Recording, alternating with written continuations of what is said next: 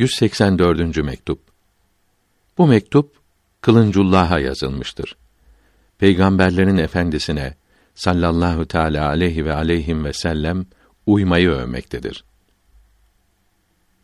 Sevgili ve akıllı oğlumun kıymetli mektubu geldi. Sevgi ve saygıyla yazılmış olduğu anlaşılarak bizi sevindirdi. Allahü Teala size razı olduğu işleri yapmak nasip eylesin. Yavrum, kıyamette işe yarayacak olan şey İslamiyetin sahibinin gösterdiği yolda yürümektir. Aleyhisselatu vesselam. Haller, kendinden geçmeler, ilimler, marifetler, işaretler ve kerametler bu yoldayken hasıl olurlarsa çok iyidir ve büyük nimettirler. Bu yoldan sapık iken hasıl olurlarsa haraplıktır, istidraçtır, felakete sebep olurlar.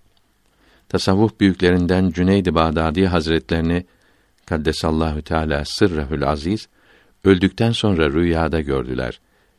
Nasılsın diye sordular.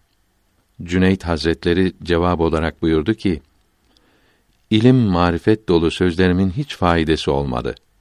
İşaretleri, kıymetli bilgileri bana yaramadı. Bir gece yarısı kıldığım iki rekat namaz imdadıma yetişti. Her şeyden önce Muhammed aleyhisselama ve onun dört halifesine uymak lazımdır. Sözlerde, işlerde ve inanmakta İslamiyetten ayrılmamaya çok dikkat etmelidir. Bunlara uymak yümün ve berekettir. Yani hep iyiliklere kavuşturur.